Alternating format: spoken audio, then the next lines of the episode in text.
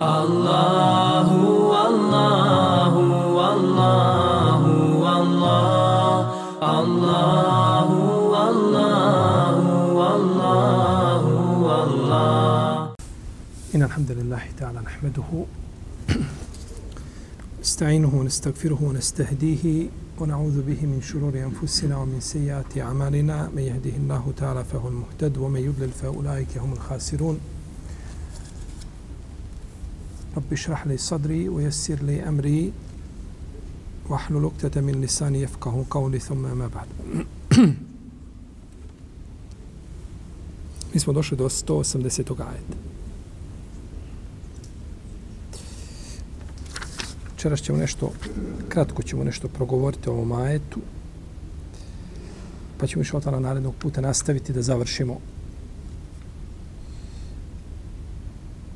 ovaj ajet koji se tiče osijeta, u kome uzvišeni Allah Azza wa Jalla kaže kutibe alejkum idha hadara ahadakum al-mautu in taraka khayran al-wasiyatu lil walidayn wal akrabine bil ma'rufi haqqan 'ala al-muttaqin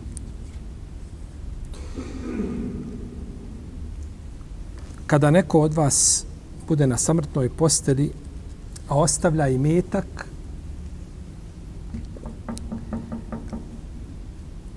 propisuje mu se ili vama se propisuje kao obaveza za one koji se Allaha boje da pravedno oporuku učine roditeljima i bližnjima, to je obaveza bogobojazni. Ovaj ajet tiče se oporuke osijeta I ovo je najopširniji ajet koji spominje oporuku u Kur'anu. Imaju osijet je spomenut u suri An-Nisa. Spomenut je na četiri mjesta. Spomenut je jedan put u 11. i spomenut je tri put u 12. ajetu. I spomenut je u suri El-Maide, Hin al-Wasije, Međutim, nema ništa opširno kao što je došlo u ovome ajetu u suri El Bekare po pitanju oporuke. I ovaj ajet je objavljen prije ajeta o nasljednom pravu. A to će nam koristiti kasnije za jednu drugu činjenicu ili jedan drugi propis.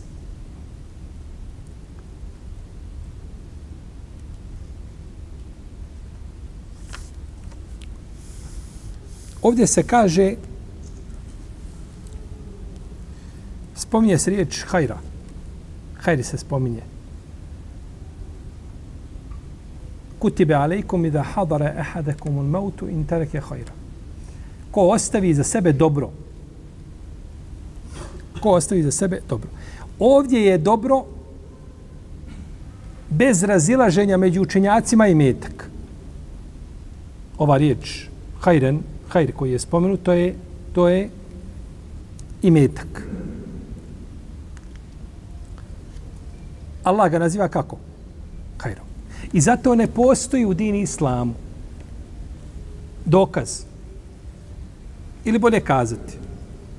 Ne znam da postoji dokaz u dini islamu koji spominje imetak u pogrednom kontekstu.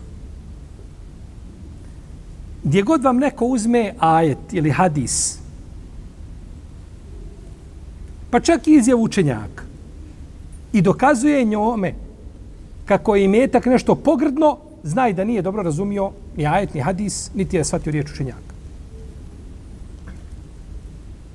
A ako neko zna nešto od toga, bilo bi dobro da nam kaže, jer ja zaista nisam nigdje naišao na dokaz koji osuđuje i metak općenito ako se osuđuje i metak i bogatstvo, onda se osuđuje čovjek koji ima taj metak, a ne osuđuje se metak kao i metak jer je nazvan hajrom. Ne može biti nikako hajr nešto loše, ne može biti ta kontradiktornost. Pa i metak dobro. kako je rekao poslanik sa osaname, divan je dobar imetak u ruci dobrog čovjeka. Pa je znači vezan imetak za šta? Za vlasnika.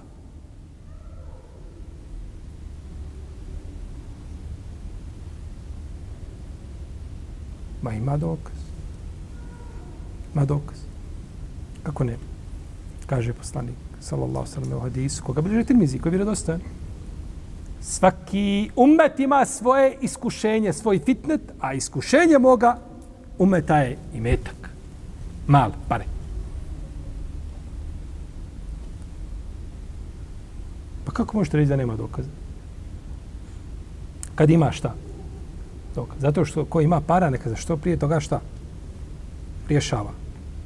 Jer ima veliko iskušenje u svome šta? U svome posjedu. Ma ne misli se na to. To je iskušenje. I, I žene su iskušenje ovome umetu. I muškarcima općenito. Je tako? I iskušenja ima mnogo. Međutim, pojenta je u tome kako se ti postaviš prema tom iskušenju. Ili hadis, nisu dva gladna vuka ništa manje opasna po čovjeku u vjeru od njegovog nastojanja da stekne ne znam, vlast, da stekne imetak kako to što od iskotirmizije. Kako dva gladna vuka kada uđu u stado, je tako, šta ostane? Vuna. E tako i metak i ugled ruše čovjeku u vjeru. Ba ruše onoga čiji metak je ušao u njegovo šta? Srce. Pa i metak koji dolazi u ruku ide iz ruke, on nije opasan. I on je hajr. On je dobro nazvan Kur'anom. Tako. I na drugim mjestima doćemo do toga. Ali meta koji klizne iz ruke u srce, e onda je problem. Ne može ga više iz srca šta? Pa nije i metak osuđen kao i metak, da ti neko, ovaj, kad ti neko kaže, brate, obuzeo te dunjaluk. Ako misliš smislu da čovjek ima dunja, dunjaluk u svojim rukama, pa da ga dijeli i da pomaže ljudima, nije ga obuzeo dunjaluk. I zato zuhd je vezan za čovjekovo srce, a nije vezan za njegovu ruku. Pa je Osman ibn Affan bio najveći zahid na zemlji, iako je imao para da dijeli da opremi vojsku cijelu. A naćete čovjeka, nema ništa. A nije zahid. Zato što je gladan. Pa je pa je i metak vezan za čovjekovo šta? Za čovjekovu ruku. Ako uđe u srce, to je problematično i metkom se radi iz ruke u ruku. Ne smije preći tu granicu. I do tog momenta i metak je hajr. A ako pređe tu granicu, onda je šta? Onda je šar. Šar je metak ili onaj kod koga je metak? Kod koga je šar? Vlasnika i metka. Opet se vraća na njega. Znači, nema argumenta i dokaza. Opet se vraćamo na, na prvo mišljenje. Nema i metka, nema dokaza da je šta i metak nešto loše. To nema. Nego samo je pitanje vezano za čovjeka.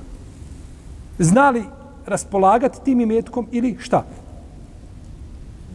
Ne zna raspolagati tim imetkom. Je li mu otvorio svoje srce ili mu je otvorio svoju ruku?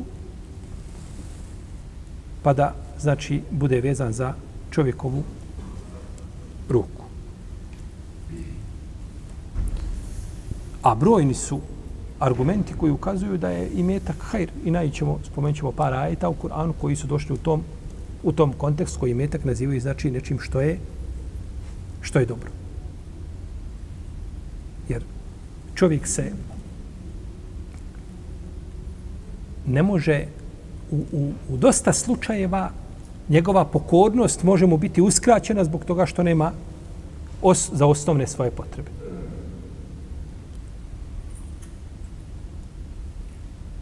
Ima hadisi kudsija.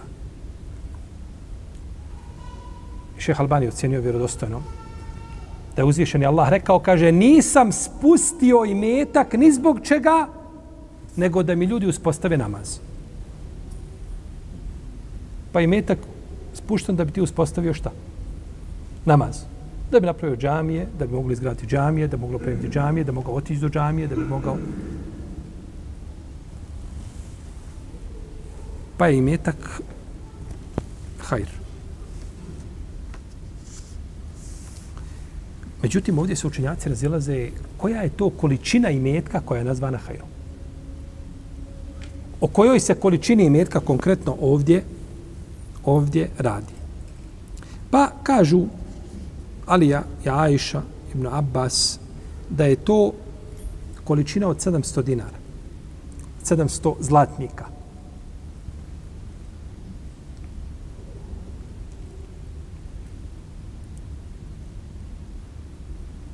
Od 700 zlatnika. To kažu Hasan al-Basri i drugi da je to 1000 dinara. A Šabi kaže da je to između 500 i 1000 dinara. Da je to ta količina. Ali nije tačno precizirani Kur'anom ni hadisom, nego sto mišljenja znači učenjaka. Koliko je to ovaj žutih i bijelih.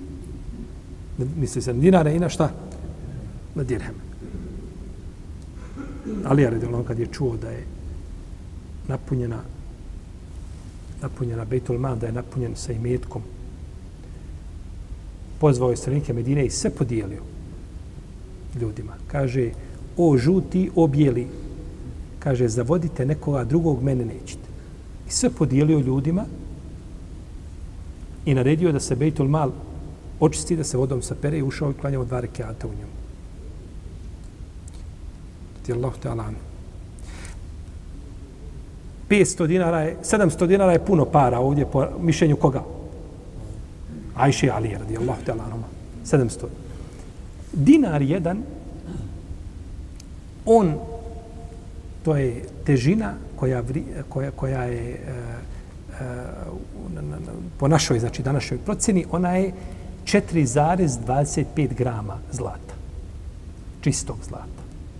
4,25 grama, to je dinar a 2,97 grama srebra, to je dirhem.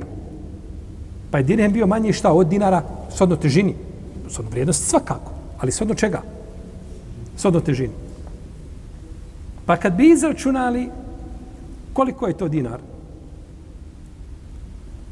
Para. 4,4. 160 maraka.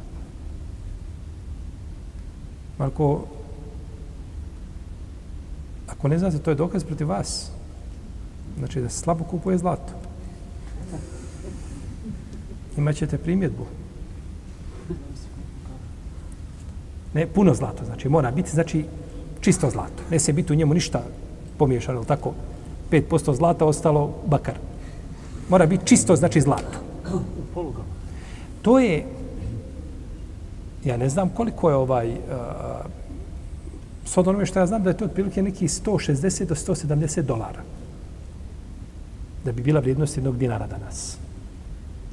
U naše vrijeme. To nam koristi kad treba čovjek da da sedake pola dinara. Zašto zaje sedaka pola dinara? Hm? Zašto je čovjek dužan da uzeti se tako pola dinara ako uradi jedan prijestup? U zakonu mimo Allaha kazat će Amentu billah, la ilaha illallah. To je ko se zakune salatom i uzavom, kaže la ilaha illallah. To mu je dovoljno. Dobro.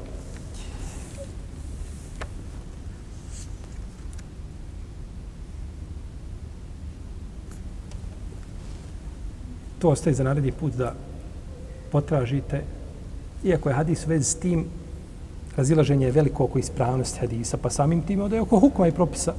Ali ima veliki broj učenjaka koji isprihvatili taj hadis i kažu da u najmjeru kad si, radi sigurnosti da bi trebao čovjek ako učini taj prestup, da bi trebao šta? Da da pola dinara. Pa to bi znači trebao dati koliko? 80, 90, jel tako se da, koliko već? Jel, dolara trebao bi da znači sedake. A za razliku od dirhama, dirham je jeftinije puno. Znaš što naše vrijeme? naše vrijeme je sada je konkretno, nego ne naše vrijeme, nego mislim trenutno, aktuelno stanje srebra je da jako malo vrijedi srebro. A to se veže onda za jedno novo pitanje. A to je pitanje nisaba za zekijat. Jer nisab za zekijat je 85 grama čistog zlata, je 900, ja 595 grama čistog srebra. Jedno od dvoje. I to je u vrijeme poslanika, u vrijeme poslanstva, to je bilo isto. Ja ovo, ja ovo. Međutim, danas 595 grama srebra nije ni blizu 85 grama zlata. Možda bi nisab u zlatu bio veći i deset puta nego u srebru. Mislimo da da je nisab u srebru prije šta? Jer tri, ako je srebro po pola marke, gram, to bi bilo 300 maraka. Ili da je po marku, bit će 300 eura. 600 maraka je ovaj 600 maraka bi bilo ta količina nisab bi bio. A kada je zlato u pitanju, tada je nisab možda na 5-6 hiljada maraka, ne znam koliko je kod nas procenjeno ovdje. Koliko? 6 hiljada maraka. Znači, 10, je tako, 10 puta je šta? Veći. Po čemu ću ja sad računati nisam? E, tu je rat među islamskim učenjacima. Jedni kažu po zlatu, zato što je zlato fiksno, stabilno, ono se ono manje varira.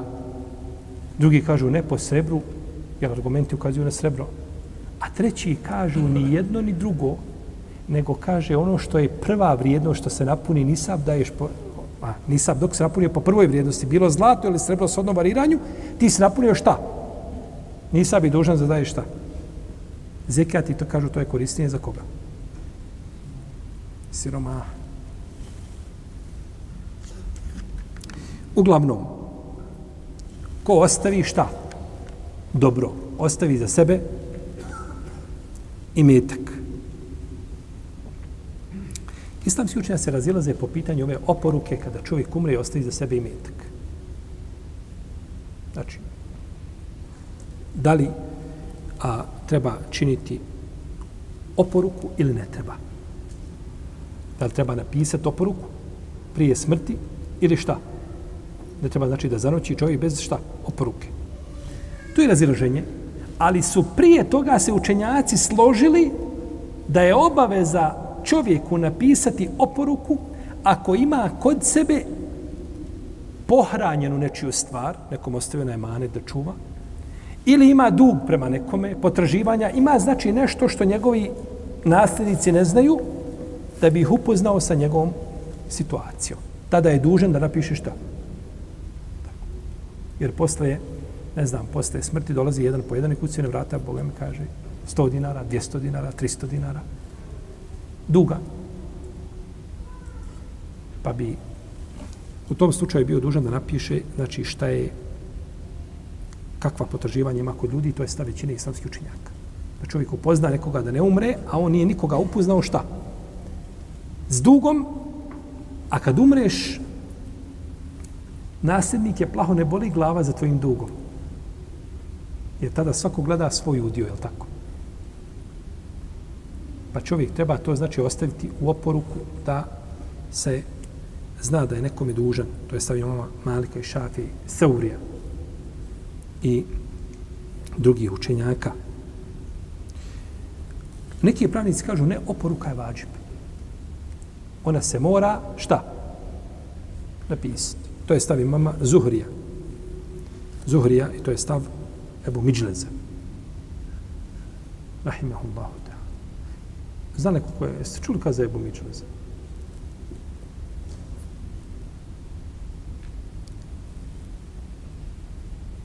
Spomenuli smo ga ovdje u 108. predavanju. Ovo je 114. Ebu Midžlez el-Basri. Ime mu je Lahiq ibn Humeid, učenik Enesa ibn Malika i učenik ibn Omara. Basrija, poznati. Oni kažu da je oporuka vađib shodno šta kuranskom ajetu. Kutibe alejkom propisuje vam se. Obavezni ste, znači da napišete tu oporuku. Dok Ebu Seur kaže Oporuka je vađib ako čovjek ima potraživanja kod ljudi, ima dug ili pohranju stvari slično tome. Ono što su spomenuli, ono što od većine islamskih, islamskih učenjaka. A kaže, ako toga nema, kaže, onda nije vađib da napiše oporuku. Ako želi, može je napisati. A ako ne želi, ne mora. Ostalo bi, znači, njemu to da je to njemu mubah ili nešto u tom smislu da napiše ako želi, ako nema nikakvih potraživanja. Kaže Ibnul Munzir i kaže i ovo je mišljenje lijepo. Kad kaže Ibn Munzir ili drugi učenjaci, ovo je mišljenje lijepo, to je njegova naznaka i šare tebi da on teži ka tom šta? Mišljenju. A Ibnul Munzir, kad nešto da bere Ebu Bekrene i Saburi, Ibnul Munzir, to je braćo veliki učenjak. On je umro 318. iđeske godine. Gotovo da ne postoji učenjak koji je poznavao razilaženja među učenjacima i njihove konsensuse kao što je znao ko? Ibn Munzir.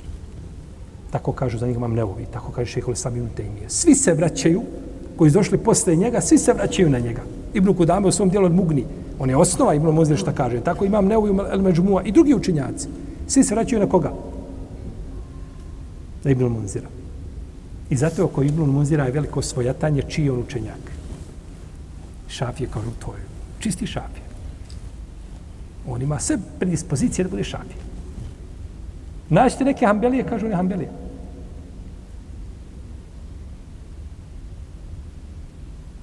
A on se nije vezao posebno za jedan mezheb. Iako ima izjava neki koje bi mogle zaključiti da on šafije bio. Ima izjava. Ali ima njegova izjava u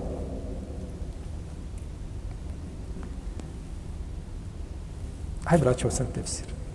Ovo je možda za nekad, ponekad za nas bitnije u samom tefsiru. Nije bitnije u smislu naučne o, materije, nego je bitnije u smislu što ovaj vezivati se za taj selef, za te imame, to je, to je svjetlo za čovjeka. To je za njega hrana ovdje, na Dunjalu. On kaže u svome dijelu Eleusat, ima dijelo štampano u 15 tomova. Sve spominje sa razilaženja i to s lancima prenosilaca šta su kazala sahabi, šta su kazali tabini, tabi, tabini. Enciklopedija. Pa je to svoje dijelo što je imao 15 tomova koje zove Leosat, skratio ga na pet tomova u dijelo koje zove Eli Šraf. Skratio je, izbicao lance prenosila, skratio ovako da kaže, znam ja da je ovo teško za neke, to je za njega puno, evo tebi nešto iz prve ruke, ovako kratko, u pet tomova. Ali kad čitate i šraf, tu skraćenu knjigu, nađete u njoj mišljenja i riječi koje nemaju u Eusatu, u originalu. Jel u redu? Šta je bilo? Pa neki dijelo Eusata se izgubili. Nije to bilo nekada kao danas. Knjiga, neko ti je uveže, nekakve ovdje uvezi, radi sa njom šta hoćeš, bacaj je knjiga uvijek ostaje kako jeste. Ako je dobar kvalitet knjige, teško ćeš je pocijepati, podarati čitanjem i gledanjem i prevrtanjem.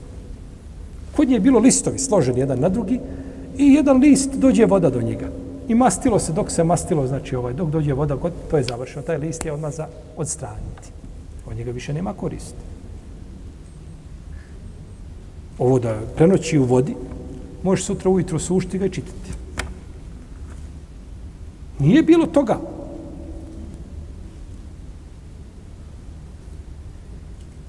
I ja sam zato ubijeđen da su naši učenjaci imali samo hemijske koje mi kupujemo za marku. Ove najjeftinije za pola marke što imaju kad uđete tamo u trgovini, imaju tako čaši za pola marke, da su imali te hemijske, ja mislim da ne bi, da ne bi bilo nikako na zemlji druge literature osim naše islamske. Da bi prekrili kuglu zemaljsku. Oni su morali pisati, znači, sa slovo, je tako? S perom možeš pisati jedno slovo ili dva. I opet mora šta? Ponovo slovo ili dva. Treba ti papira, ovaj, dva šlepera da napišeš jednu knjigu, ili tako, koja je nekoliko tomova. Pa Ibn Munzir skratio knjigu i neki koji su čitali kažu nije ovo skraćena knjiga, ima Munzir, ovo se nešto razlikuje. Ma ne razlikuje se ništa, nego je izgubljeno nešto od originala. Pa je nama korisno bilo što Ibn Munzir šta?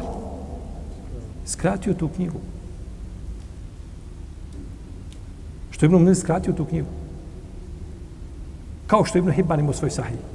Ibn Hibban ima svoj sahih, napisao ga je, stavio u njega pet osnovnih poglavlja i napisao je tako knjigu da niko u njoj ne može naći hadis osim dvojica. Prvi je koji ide iz početka i lista.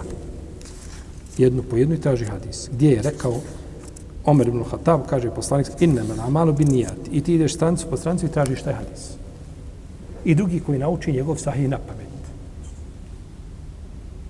Kao da je rekao, nije ovo za svakoga. Ja sam ovo napisao, ko nije spreman, neka ne prilazi.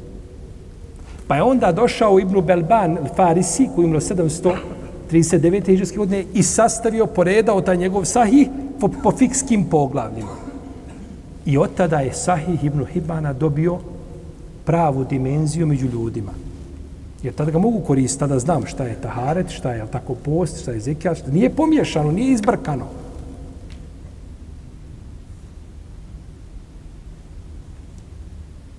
Pa je taj poredak bio koristan, a s druge strane Sahih ibn Hibana danas nema u tom njegovom originalu, kakav je bio.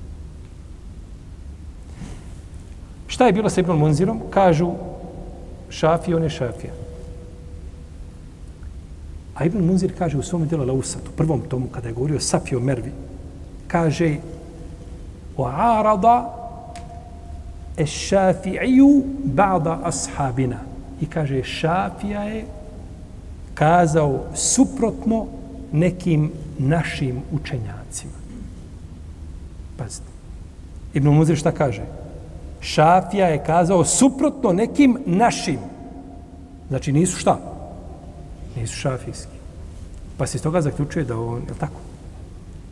A imate isto njegovu izjavu u Usatu u prvom tomu, kaže za imama Ahmeda, kaže, وَقَالَ gajru Ahmede min ashabina. I kaže, rekli su neki drugi naši učenjaci mimo Ahmeda.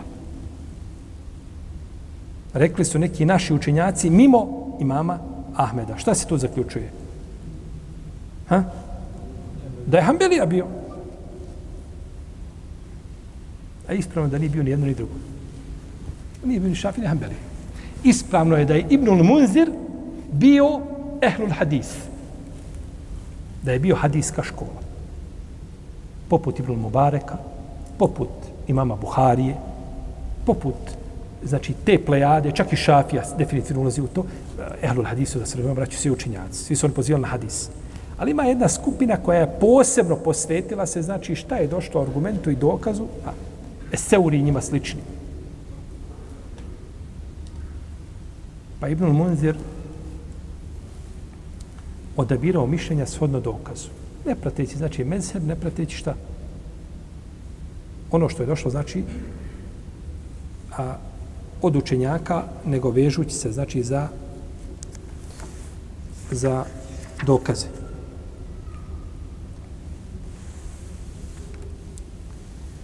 Dobro. Kaže, šta kaže Ibn Munzir? I ovo je mišljenje lijepo. Čije mišljenje? A? Ebu Seura. Ebu Seur je rekao da se osijet pravi šta? Piše ako je čovjek dužan nekome, koji ima potraživanja nekakva, povjerenu stvari, sl. tome. A ako nema toga, onda može napisati, a ne mora. Ako želi. Pa smo kazali, to bi ono što je stepen Mubaha ili tu negdje. Pa Ibn Munzir pohvali ovo mišljenje. Ibn Munzir je znači pohvalio ovo mišljenje rahimehullahu ta'ala. Kaže Ibn Munzir zato što uzvišen je Allah naredio, kaže da se emaneti vraćaju ljudima. Aludira tu na ajetu kome uzvišen je Allah kaže Inna Allahe je'murukum en tueddul emanati ila ehliha o idha hakemtum bejne nasi en tahkumu bil adl. Allah vam naređuje da povjerene stvari vraća, vraćate šta njihovim vlasnicima, kada sudite među ljudima, sudite pravedno. Pa bi u tom slučaju bilo, jer čovjek je dužno se tako da vrati emanet povjerenim, je tako? I naš je poslanik najveći uzor u tome, je tako? I prije poslanstva je bio El Emin, onaj koji je znači bio povjedljivi i kod koga su ljudi ostavljali najvrijednije stvari, je tako? Ti dobiješ milion dolara. Eto, da pretpostavim. I trebaš to ostaviti kod nekoga. Trebaš naći danas čovjeka da ostaviš to kod njega i kažeš vraćati se nakon deset godina, molim te sačuvajmo ovaj, ovaj emanet.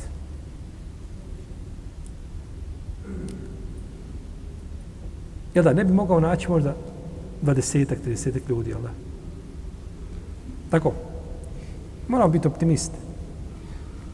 Znate da li Hozeife govorio, kaže, ovaj, da će, kaže, doće vrijeme kada će, da je poslanik rekao, kaže, doće vrijeme da će se govoriti, kaže, u tom, u tom, u tom i u tom mjestu je bio nekada čovjek povjedljiv. Bio je nekada čovjek povjedljiv. Poslanik je to samo imao pri sebi prije poslanstva. Prije što nije znao, za, bio je, kako ga Kur'an opisao, uzvišen je Allah u Kur'anu, da je bio dal, nije znao istinu. Želio istinu, nije znao, nije znao ništa. Nije znao šta je knjiga, ništa. Ma kunte tedri mel kitabu vole iman. Nisi znao ni šta je kitab, ni Kur'an, ni šta ima. Nisi ništa o tome znao. Ti nisi obožavao kipove, definitivno. Nisi hodao, prinosio njima žrtve, to, to, to, to, to, to definitivno. Međutim, nisi znao istinu. I ta se istina ne može dokući čime? Razumom ali se ahlak može dokučiti čime? Razum. Čovjeku ne treba ovaj uputa da zna da je istina pohvalna, a da je laž ružna. Da je škrtost pogrdna, a da je darežljivost, ne znam, pohvala i tome. To zato čovjeku ne trebaju To su norme koje Allah usadio u fitri čovjeka, samo što im Islam da posebnu šta dimenziju i, i formu, oblikuje ih. A u protivnom to svaki čovjek zna od sebe.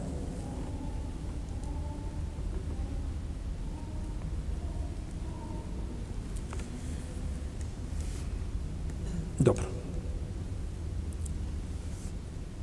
Mi smo kazali da nije dužno šta napraviti, napisati šta? Osijet. Da nije dužno napisati osijet. Dobro.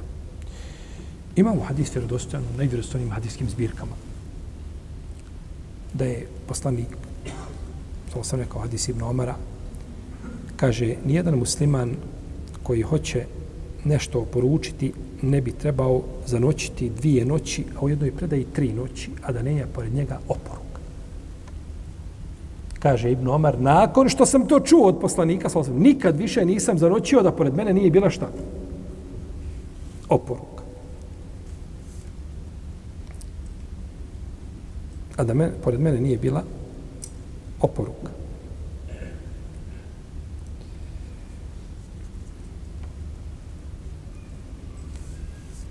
Kaže, nehaj, umro je poslanik sa osaname i nije oporučio. Umro je Abu Bekr i oporučio, napisao poruku. Kaže, ko želi da napiše, može, ko ne želi, nije problematično. Nije šta.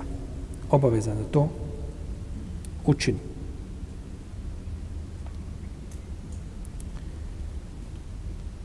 Doćemo, naravno, ovaj, ovaj hadis ukazuje na što, da bi trebala je biti oporuka. Ali kroz daljni govor o, o, o ome razumećete znači smisao hadisa. Dobro. A ko ostavi metak? Nije ovdje, spo, ovdje spomenuti metak. Hajr. Nije spomenuti njegova količina, nego se spominje samo da je on dobro. Uzvišen Allah kaže u Kur'anu وَمَا تُنْفِكُ مِنْ خَيْرِ I sve što udjelite od dobra. Pa je opet imetak nazvan kako? Dobro.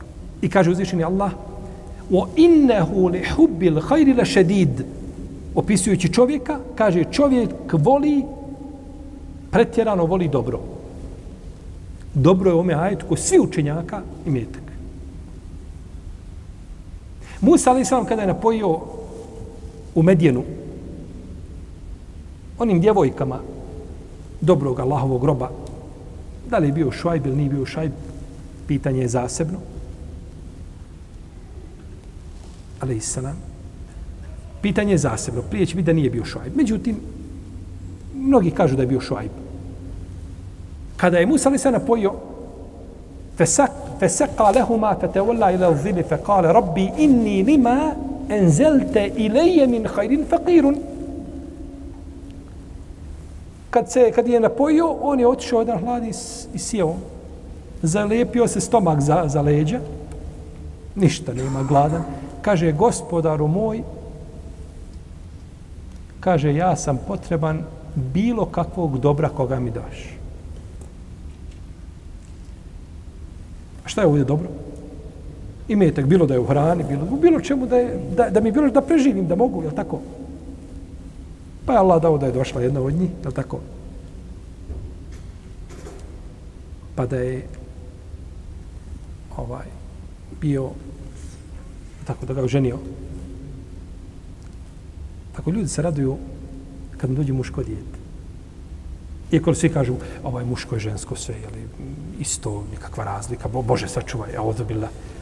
Ali kad dođe muško, tako, onda je posebno. To se vidi na licima. Tako. Žensko jeste osmije, sve lijepo. Kad dođe muško, tako, to je osmije sa rumenilom. Tako. A sve kaže isto, tako. A vidite ovu djevojku, ona je svome babi dovela poslanika Zeta. Što misliš kako? Kakav je hajr imao ovaj dobri Allahov rob? Još našto što ako nije bio poslanik?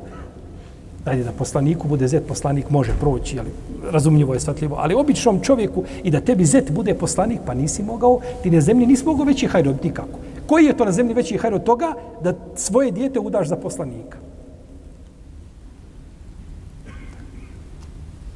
Pa čovjek ne zna šta je dobro po njega.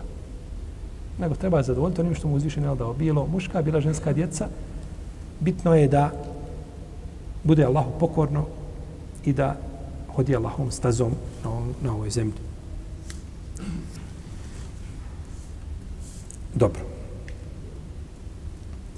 I zato uzmete se pravilo u Kur'anu gdje god se spomene hajr u pitanjima osijeta i u pitanjima davanja, a to je nešto davanje, bilo čega u bilo kom obliku, hajr se to odnosi na šta? Na, na imetak. Hajr se odnosi na imetak. A, Ebu Bekri je oporučio petinu iz svoga imetka podijeli se imeta kome? Nasljednicima i ono poruči koliko? Petinu da se podijeli u...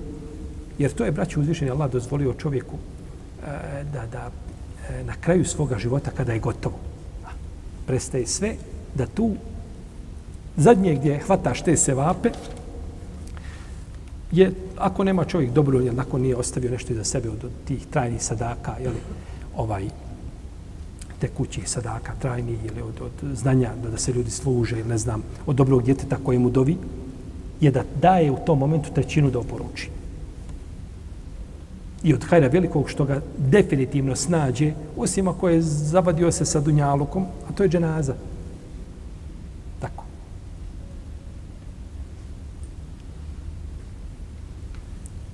A Omer je oporučio četvrtinu. Ali ja govorim da poručim petinu draže mi nego četvrtinu. A kaže četvrtina, četvrtina mi je draže nego trećina da oporučim. I zabilježi Ibn Abi Šejbe u svojom sannefu da je Ibn Abil Mulejka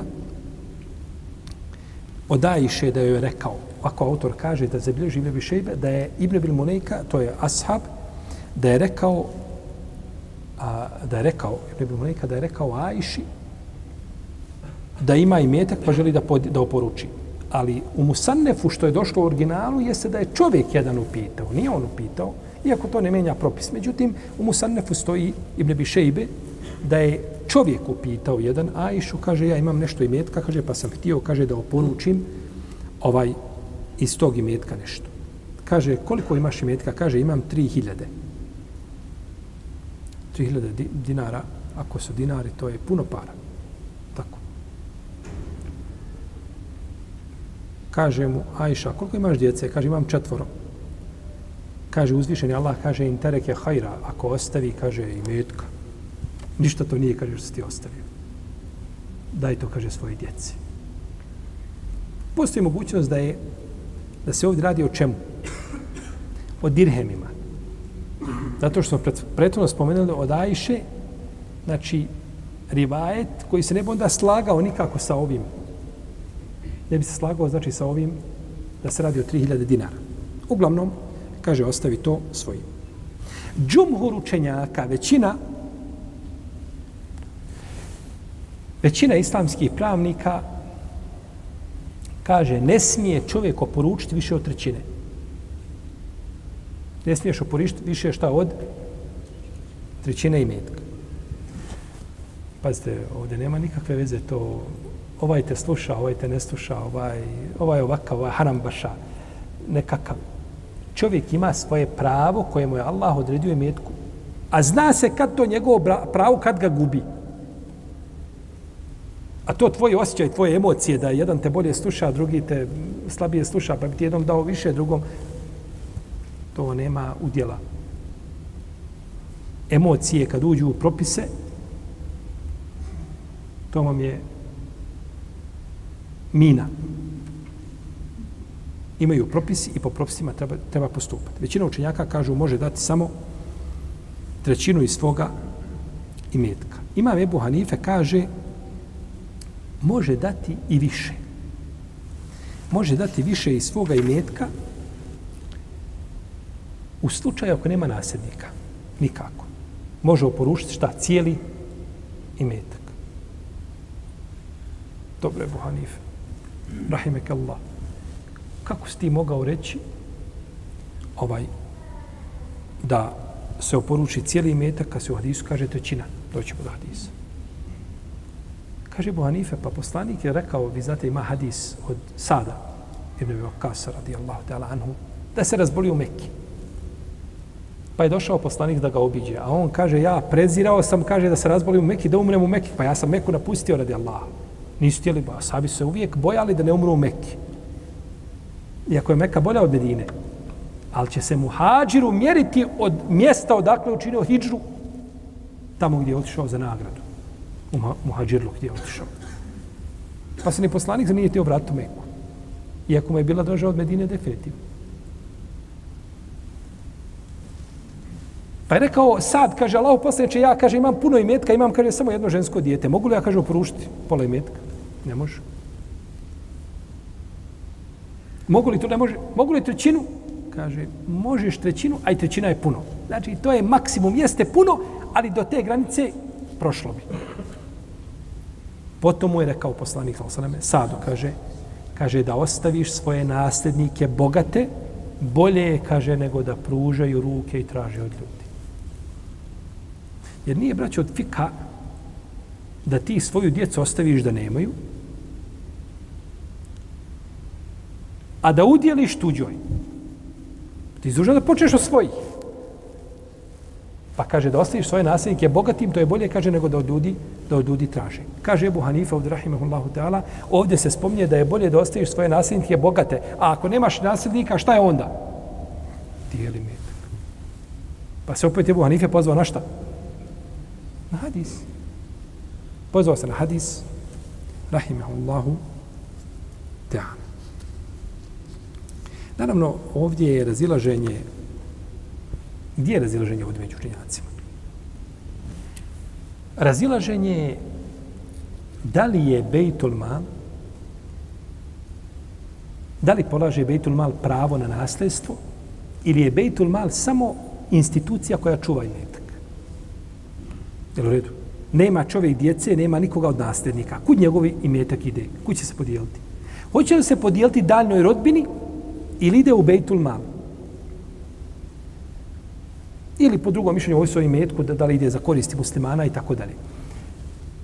Razilaženje među učenjacima. I shodno tom razilaženju je ovdje, znači ovo što imam Ebu Hanife rekao, rahimehullahu, ta.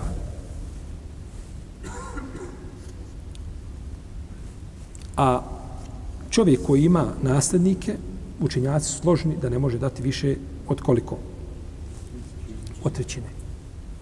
Ne može dati više od od trećine. E, autor je spomenuo predanje od Amr ibn Lasa radijallahu anhu da je pred smrt pozvao svoga sina Abdullaha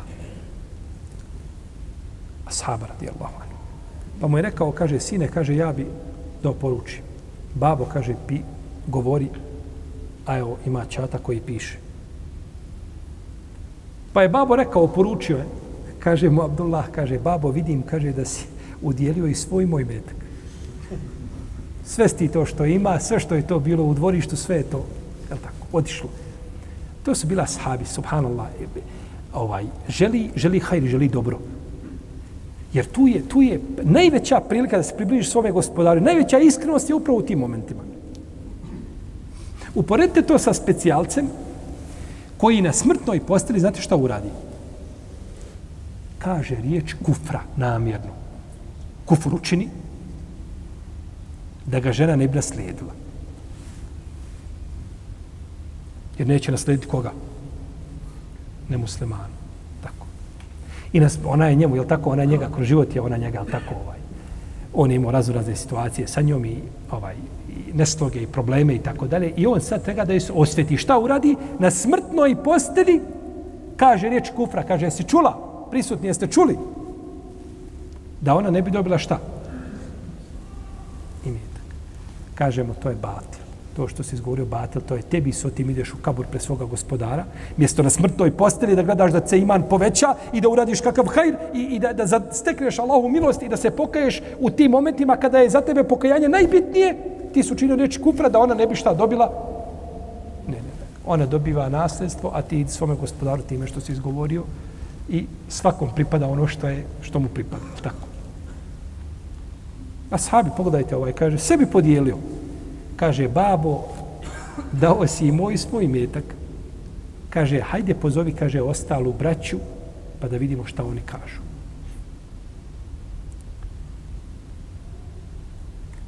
da vidimo šta on kažu. Doćemo do toga, znači, do, do tog dozvola, tog izuna koji biva od, od ostalih nasljednika. To je, i naravno čovjek ima pravo po jednoglasnom mišljenju učenjaka da promijeni osijet. Rekao je, postaje moje smrti, dajte trećinu imetka, to je 30.000 maraka, primjer radi. 10.000 dajte tu, 10.000 tu, 10.000 tu, I to je oporuka. Ima pravo da je promijeni za život. I da odustane od oporuke, i da zamijeni, da izmijeni, da, da to poništi u potpunosti, da, da, da cifre poveća, smanji. Ima pravo da radi što želi. Jer on to nije šta? Nije on dao nešto pa traži šta? Nazad, što je zabranjeno. To je bila ideja. On kao da rekao, ovo je moja želja.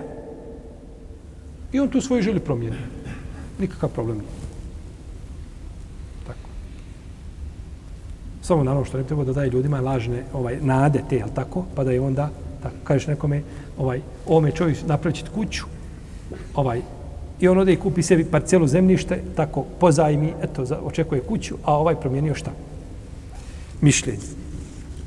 To ne bi trebalo znači da bude u protivnom čovjek ima pravo da promijeni svoju oporu.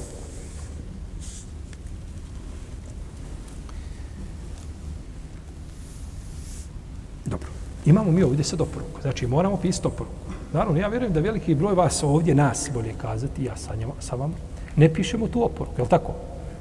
Možda su neki napisali, a vjerujem da većina nije. Spavamo, ne pišemo oporuku, a ovdje se kaže ne trebaš čak da zanoćiš šta ni dvije ili tri noće da nema oporuka, da nije pod jastukom. Znači, kod tebe oporuka. Tako. Naravno, poslije ovoga došli su ajeti koji govori o nasljednom pravu. I ti ajeti o nasljednom pravu i podijeli imovine među nasljednicima su dokinuli ovaj ajet. I ovaj ajet je stavljen u globalu van snage. Došli su ajeti koji govore o čemu? Ajeti koji govore o nasljednom, znači pravu. I došlo je drugo nešto. Došao je hadis Ebu Umame, koga bilježi Tirmizi, koga ocjenio vjerodostojim, da je poslanik rekao, kaže, inna Allahe a'ta kulle zi haqqin haqqahu la osijete li varis. Kaže čovjek, kaže poslanik sam, Allah je dao svakome ko zaslužuje nešto, dao mu je, kaže, njegovo pravo. Nema oporuke nasljedniku.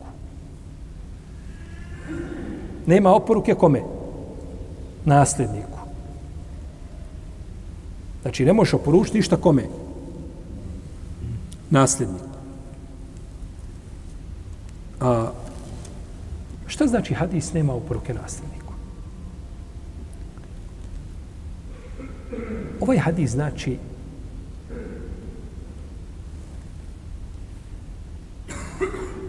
nasljednici imaju šta?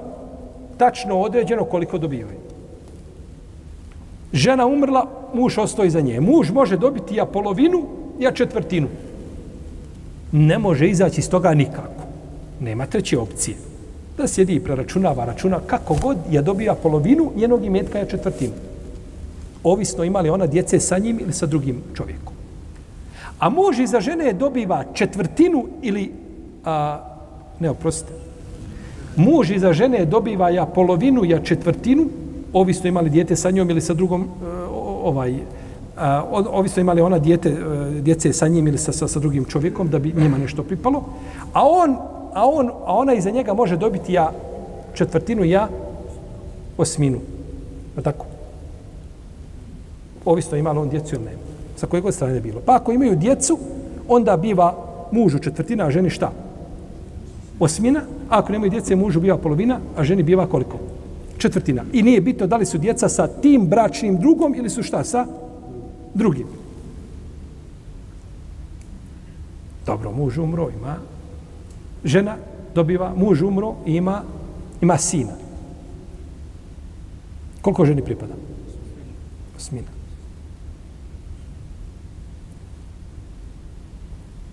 Umro muž, nema sina. Četvrtina. Dobro ima čovjek umro, nema ništa, nego četiri žene.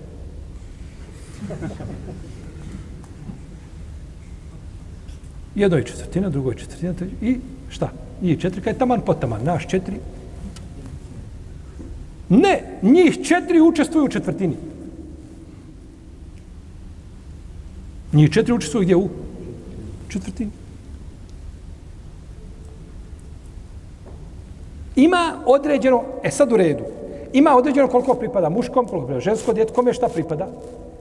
I sada ti dođeš i tom djetetu kome je Kur'anom određeno, jer od a, rijetkih propisa koji su deci, ovaj, a, a, podrobno pojašnjeni Kur'anom je nasljedno pravo, više nego hadisima. Hadisima imaju određene finese i do, ovaj međutim globalno nasljedno pravo da kažemo 90% je pojašnjeno Kur'anom.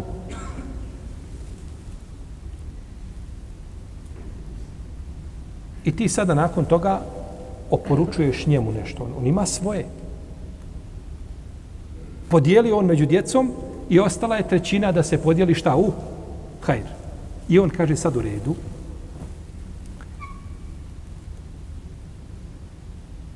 I daje iz imetka šta? Oporučuje nekome koje da dobije više. Da je nasljednik. Da dobije više. Jer on može dobiti više iz imetka samo ako, ako ostali nasljednici to šta? Odobre. Ako se slože. To je po jednom mišljenju. Kod, kod džumura je to, kod Hanefija i kod Šafija i kod Hanbelija. Malikije kažu ta, taj vasijet je osnovi batil. Kad bi takav vasijet napisao, kaže on je batil jer on je dao nekome nešto što mu ne pripada. Ali kod džumhura kažu ako bi dozvolili ovi i pristali, onda bi šta? Onda bi imao pravo da on dobije šta? Više. Međutim, ovdje ima jedna bitna klauzula, a to je da pristanak ovih ostalih nasljednika nije vezan za njihov život. Babo i svi upozvao, ej, momci, slušajte, ja sam odlučio da ome našem Muhammedu malom da on dobije najviše, on je, vi svi imate više od njega i tako dalje, on će dobiti više od vas. Slažete se? Slažemo, babo se. To njihovo slaganje, ništa. Nikakve vrijednost nema. Moraju se složiti nakon smrti. Pazite, ovo nema nigdje nego u dijen islamu. Ovi propisi, ovo nema nigdje nego samo kod nas, ali bojim se da mi ponekad ne znamo šta imamo.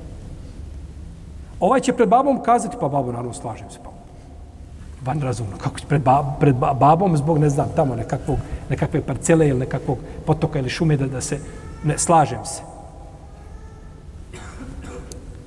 Je li njegovo mišljenje tu mjerodavno kao mišljenje nakon toga kada babo umre i to se podijeli i on to dobije i onda treba da ga se odrekne? Ne može biti isto nikako. To može biti isto nikako. Pa se gleda da li su se oni složili nakon šta? Smrti ovoga roditelja ili ko, ko je već uporučio, nije bitno. Pa ako se nakon smrti slože, što je pohvalno i lijepo da oni izuđu u susret svome roditelju, to je odlično, to je mjerodavno. Ali ako oni nakon smrti kaže, ako jedan od njih kaže, Boga mi ja ne, nisam rahat nikako. Kad on vidi, tako, kakva je parcela izmakla ispred očiju, kaže, ja nisam rahat. Njemu se nadomjesti njegov dio. Ovi drugi imaju pravo da se šta? Da se slože da se odreknu. Ali njemu, ako je uskraćeno nešto od njegovog imet, on ima pravo da traži da mu se vrati, iako je pred babom kazao šta? Slažem se. To je njegov hak. Jer kad babo ode, jel tako, kada to nema više babe, ne, ne više se crventi, jel tako, ni pred kim, e onda je to drugačije. Pa je ta podjela, znači, došla precizna tako da se nikome ne pravda, nego da bude, ako daje, daje šta iz, iz srca, nikoga nema tu iznad neko da gleda i da kaže, dobro, sine, nek sam čuo i to od tebe nije problematično. Neka je to babo doživio i čuo, nije problem, jel tako? I hoće li biti halal, neće li biti halal, sad on razmišlja, ne, nego nakon smrti, ako pristane, oni ako pristane nakon smrti, znači daje se u protivnom, ovaj nema oporuke, a da ne govorim oni učenjaci koji kažu da je batil oporuka. Kažu, sve kako, ništa to oporuka, da nema, je to ništa, to se poništi. Dakle, od Malikije. Malikije to kažu, rahimahumullahu ta'ala.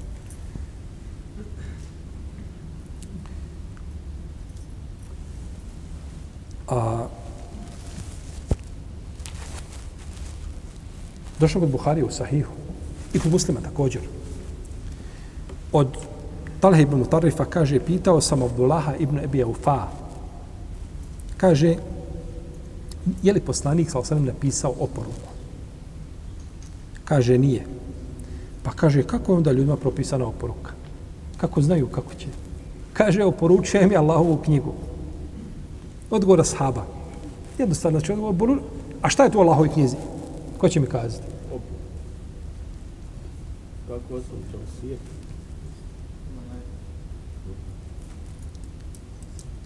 Ha? Nasljedno pravo.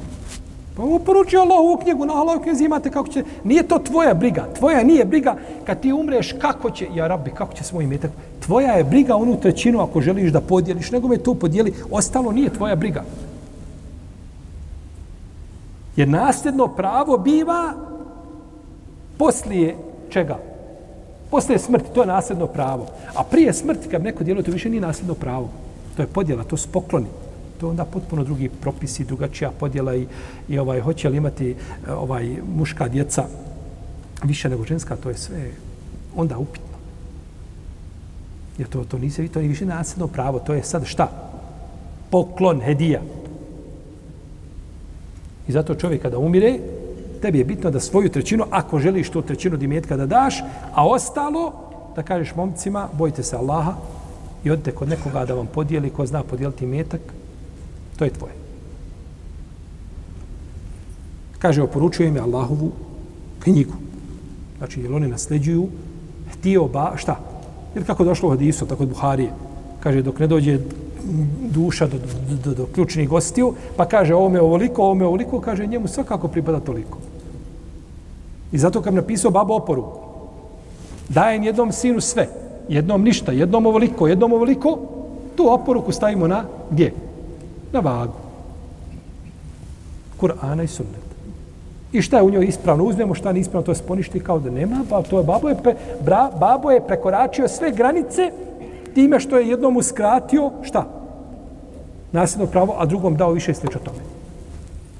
Osim Allahu dragi, ako to zahtjeva dini islam i propis, to nešto drugo. Međutim, koliko se danas ljudi ogriješi zbog toga na smrtnoj posteli kada treba da bude najpravedniji i da sretne Allaha, ovaj, jer čovjek će braće obožavati Allaha 70 godina napisat će nepravednu oporuku pa će ući u džahennem kako to šlo u hadisu.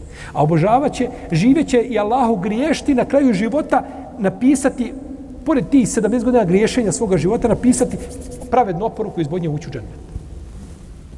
Pravda je velika stvar. Zamislite on na smrtnoj posteli i napravi tu najveći kiks koji mogu napraviti. Wallahi da ti taj, to dvoje djete da ti dovi i dan i noć, da se ne diže sa sežde, ništa to ne koristi. A pitanje je hoće li ti dovu nakon toga učiniti. Pa je podjela znači došla i mora se znači ispuštovati kako je došla. On ima svoje pravo i da napiše babo nema ništa ja ne dozvoljavam nikome nije ja bolestan bio pet godina meni došao obići. To je između tebe i njega na sudnjem danu. Dobročinstvo, dobročinstvo, to vi rješavate ovdje. Nemaš pravo ti njemu da činiš nepravdu.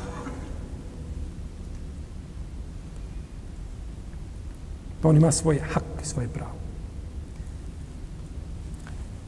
Ima jedan slučaj kada dijete neće naslijediti roditelja. Roditelj, vjernik, ha, broj jedan. Dijete, vjernik, broj jedan. Sve što tiče vjere, sve u redu. Ne, ima djece, troje, petoro, šestoro, ne smije niko uzeti pare.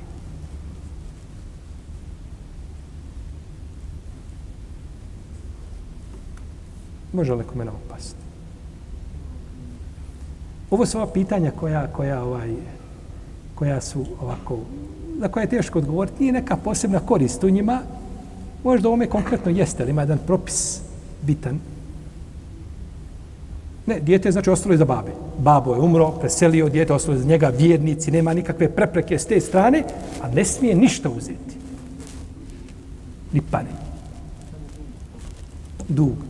Nije. Ostoji metak. Ispred njih metak i on ne smije ništa dirnuti.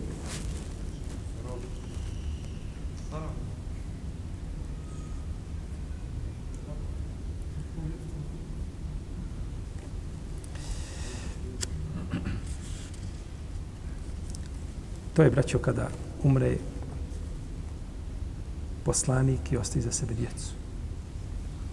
Poslanice ne nasljeđuju poslanika kaže la nures ma terekna sadaka ma terekna fehuva sadaka kaže mi se ne nasljeđujemo. Ono što ostavimo to je šta? Sadaka i ovo je prva stvar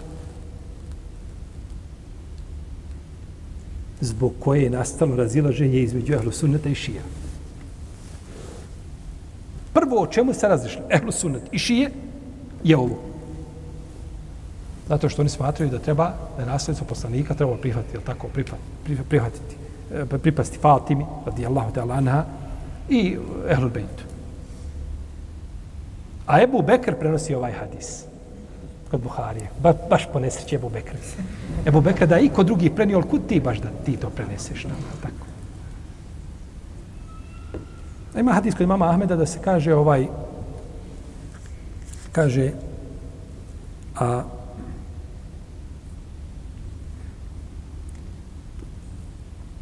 mi poslanici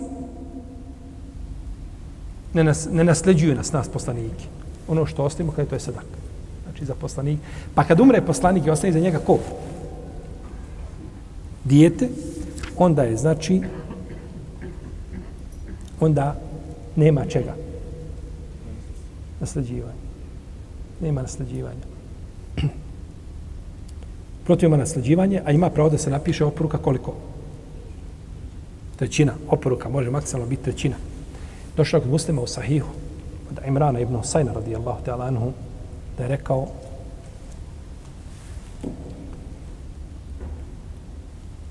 kaže bio je čovjek u vrijeme poslanika sa osanem, pa je oporučio imao je šest robova i oslobodio je svi šest pred smrti. Pa ga je poslanik sa osaneme naljutio se, kad je to čuo, pozvao ga. Pa je pozvao šest, svi šest robova. Svi šest je slobodno. Pa je vratio, dvoj, vratio je četvrtica, pustio dvojicu. Koliko je pustio? Trećinu. Trećinu pustio. Trećinu imaš pravo. A dvije trećine ostaju kome? To su nasljednici. Ako si to htio raditi, trebao si to raditi za života kada si ti bio tako, ideš ti, zdrav si i možeš opet pribaviti metka i tako. To je nešto drugo. Ali na smrtnoj posteli kada ništa ti odlaziš i sav svoj imetak tako podijeliš i ode, pa je dvojicu, kako je oslobodio dvojicu? Bacio kocku među njima. Kocku mi kažemo, to nešto, na bilo koji način, ovaj paru što mi bacamo, tako. Šta se, kako dođe, uglavnom, pa je dvojicu, na dvojicu je izašao, znači koji će biti slobodni, a ostali su ostali šta kao, jer kocka se baca kada imaju svi isto šta? Pravo. Dvojica došli, hoće da uče ezan. I pred mikrofon. Kaže, a nema stalnog mu jezina. Kaže, koji će? A isto ova dvojica znači znaju propise ezana i došli zajedno. Kocka. Tako je za ulazak u safu. Zar nije došlo u hadisu da, da znaju kakva je vrijednost u prvom safu? Šta? Ne bi prijatno nego šta? Da se kocka baci došla dvojica i zajedno a, do mikrofona kaže koji će kaže ja ću ti ćeš ja ću ja ću Kaže, ne, ja imam veće pravo. Zašto? Kaže, zato što ti u ezanu dodaješ wa enne alijen volijullah. A?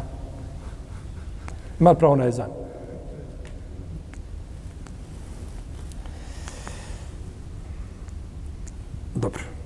Pa je oslobodio šta? Dva roba. Kaže se u, u rivajet kod imam, imama Ahmeda hememtu alla usalli alaihi kaže poželio sam kaže razmišljao sam ome kaže da mu dženazu ne klanjam. Kome? Ome čovjek što je oslobodio sav svoj metak podijelio gdje? Na smrtnoj kaže razmišljao sam da mu dženazu ne klanjam možete zamisliti kakva je to osuda? Nije to je jednostavan prijestup tek tako nešto uradio. Jer poslanik kada kaže nekome razmišljao da dženazu ne klanjam, to je, znači, radi se o jako ozbiljnom i opasnom propustu grijehu.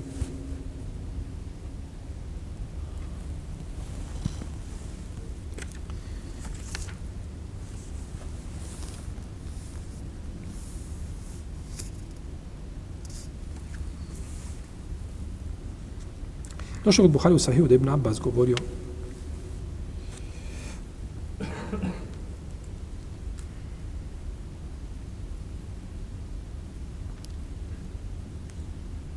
kaže, imovina je pripadala muškom djetetu, a oporuka roditeljima. Kaže, pa je uzvišen Allah od toga stavio van snage ono što je htio, dokinuo ono što je htio, tako. I propisao je, kaže, muškom djetetu pripada koliko djema ženskima. Roditeljima svakom od njih je propisao po jednu šestinu. Tako. A propisao je ženi ili jednu osminu ili jednu četvrtinu, a propisao je mužu jednu četvrtinu ili jednu polovinu, ili ovisno djetetu. Rekao je a, Rebije ibn Husajm nema vos, nema osijeta nasljedniku, jel? Pa je rekao Urve ibn Sabit, rekao mu, kaže, gde mi kaže oporuči svoj musaf iz koga si učio. Musaf iz koga si ti učio, ostavim taj musaf. Kaže, pa se on okrenuo pa pogledao u svoju djecu pa je rekao o ulul arhami ba'duhum eula bi ba'din fi kitabillah. Kaže, a rođaci su prema Allahove knjizi jedni drugima preći.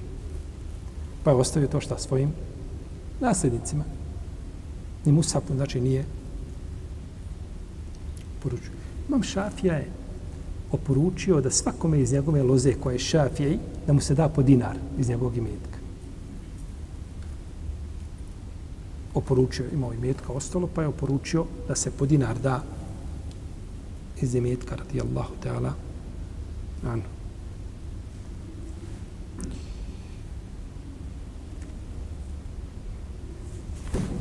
Malo moj ajet je duži, pa ćemo šalta nastaviti. Završit ćemo ga u narednom našem predavanju.